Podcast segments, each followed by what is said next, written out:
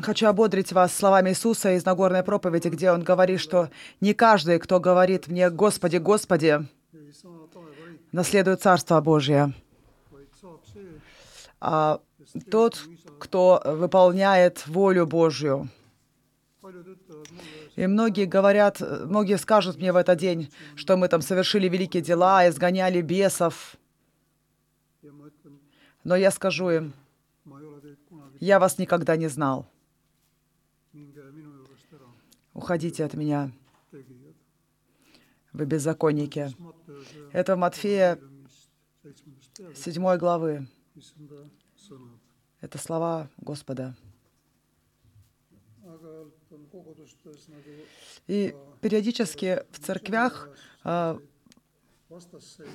есть разные противостояния, где часть людей говорит, me peaksime rohkem palve, «М- мы должны больше молиться, а часть говорит, мы должны были бы больше делать. Молитва — это тоже действие, это поступок какой-то. Но если мы будем только восклицать имя Господу, когда нам сказано, что если мы будем звать имя Господа, мы спасемся, но этого недостаточно просто, чтобы молиться. И об этом как раз и говорит вся диакония. Говорит о, на языке дел, дел, на языке дел. Поэтому молитва — это очень хорошая часть. Но к моли- молитве должны сопутствовать также и дела.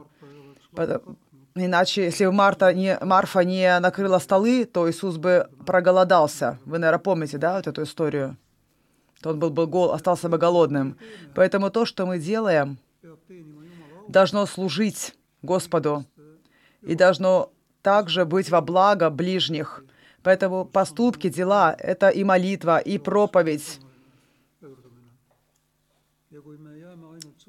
И, но если мы останемся только на словах, и закончив словами, и не переложим наши слова в дела, то тогда мы рискуем, что нам Господь скажет, что не все, кто восклицают имя Мое, попадут в Царство Небесное. И, и, и такое просто бесполезное использование имени Господа — это тоже злоупотребление Его имени. И такое прятание за Иисусом. Но Он же ожидает, чтобы мы вышли, чтобы мы пошли все в мир. Kui seda, tema suuremaks saamist inimesed ei oska näha meie tegudes, если а, люди не увидят в наших поступках Бога, то тогда нам нужно подумать, каким образом нам а, адреси- адресовать наши дела, чтобы они отвечали на нужды людей.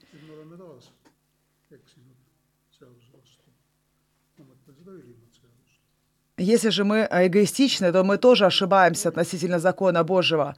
Поэтому мы должны заботиться о, люд- о людях мудро, должны заботиться о людях, которые находятся в нашем окружении или в нашем подчинении, может быть, даже. Или, э, и забота о них является Божьим служением также, только в другой форме. То есть диакония э, это, это, э, это, это, а, это действие после литургии, да, то есть мы а, послужили Господу, там в церкви, допустим, вышли служить после этого. После воскресенья, после субботы, у кого, когда собрание, мы выходим после этого и служим Богу, являем нашу веру.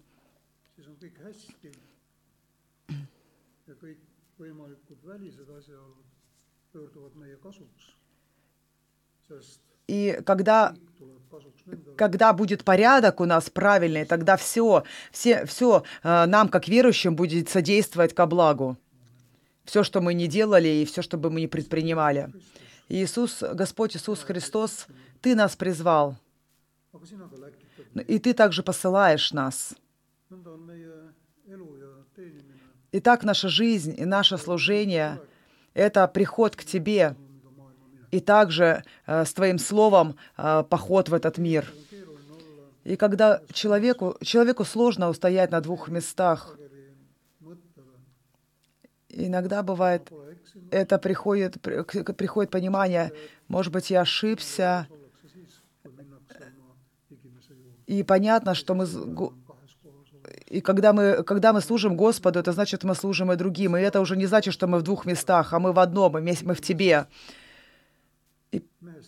Помоги нам заботиться о наших ближних, о мужчинах, о женщинах, о богатых, о бедных,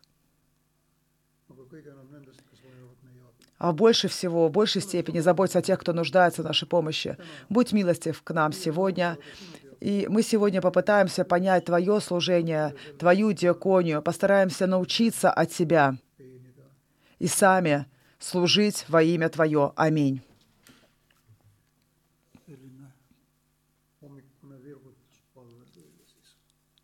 Такая молитва ободрения вам сегодня утром.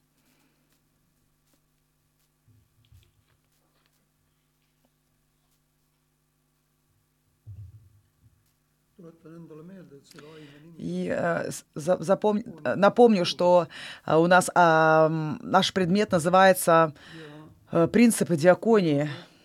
И, tuletamine и хочу также э, этим напоминанием не то чтобы а, по- э, а, э, в общем, пояснить, что почему я сегодня и завтра буду говорить, м- может быть, то, что не написано в Новом Завете, но я попытаюсь рассмотреть в современном контексте то, что написано в Библии.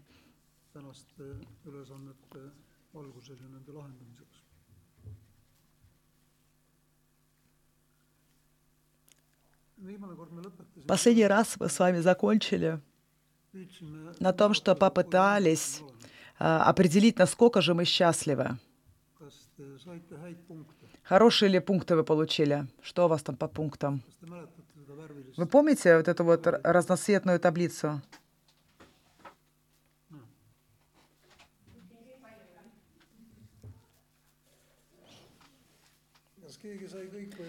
Кто-то получил э, максимальное количество баллов за, по ту сторону экрана. Как у вас анализ вашего счастья произошел или прошел? У меня не очень высоко, признаюсь. Счастье почему-то невысокий. Я был честным и средненько järgmine, kes И, ага, еще кто? Кто может признаться, насколько счастлив он? Один вопрос здесь предполагал конец жизни, когда все закончило. Да, на тот... Ты не можешь ничего в прошлом изменить, поэтому на сто процентов, конечно, тяжело пункты, 100 пунктов получить.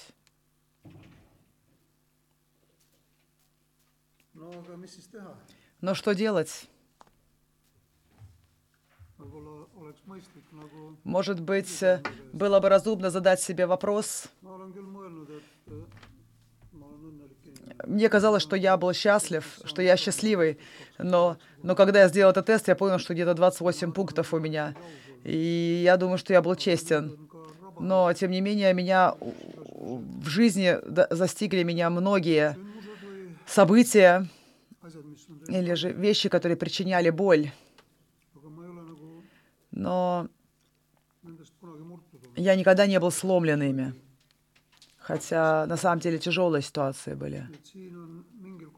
Поэтому здесь в какой-то мере э, здесь это дело касается и выбора, также какая у тебя позиция отношения к жизни.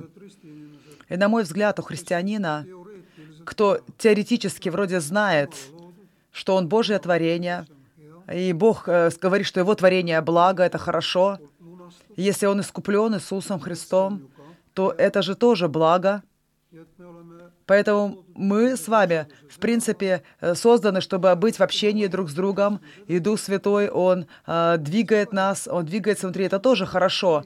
Поэтому как мы можем ныть, быть недовольными, говорить, что что-то у нас не то? Вот опять-таки здесь такой, такой психологи называют когнитивный диссонанс. Такое понятие. То есть, э, э, то есть такое противоречие, может быть, да, в какой-то мере, диссонанс. И это немножко схоже также с, мора... с двойной моралью. То есть, когда я говорю, что у меня есть вот эти, вот эти, вот эти ценности, но они каким-то образом не работают, да, они, они... И иногда бывает это сложно. Но я, я вижу, что люди иногда говорят наоборот, что это легко. Это как э, просто позволить идти. А если ты... немножко не поняла смысл. В общем, в общем, тем, кому, у кого не вышло 20 пунктов, вы можете немножко про- откорректировать свое отношение в первую очередь. Допустим, э, от чего вы зависите? От этой погоды или от, от движения автомобильного? То есть э,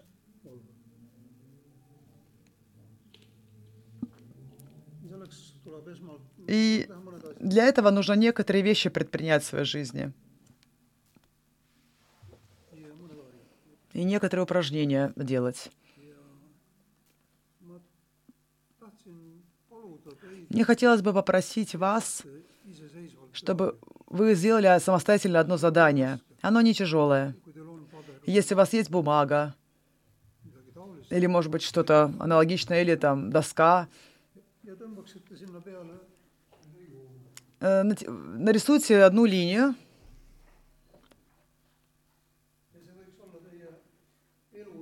и это может быть ваша линия жизни. Я хочу попросить, чтобы вы отметили время вашего рождения. А Здесь, слава Богу, открыто еще. Может быть, там вечность у нас. С рождения отметьте, пожалуйста, на этой линии вместе с годом или же прямо с датой важные события вашей жизни. Что было важное у вас?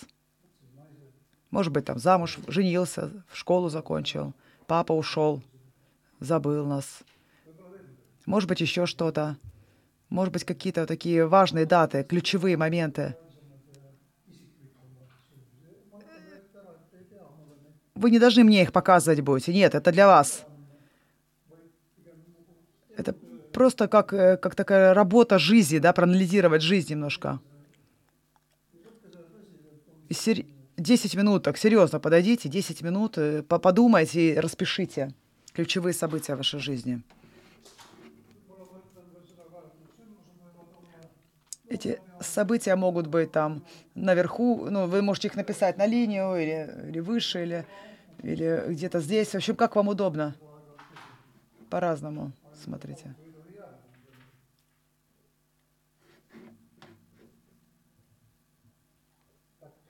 Пошло время.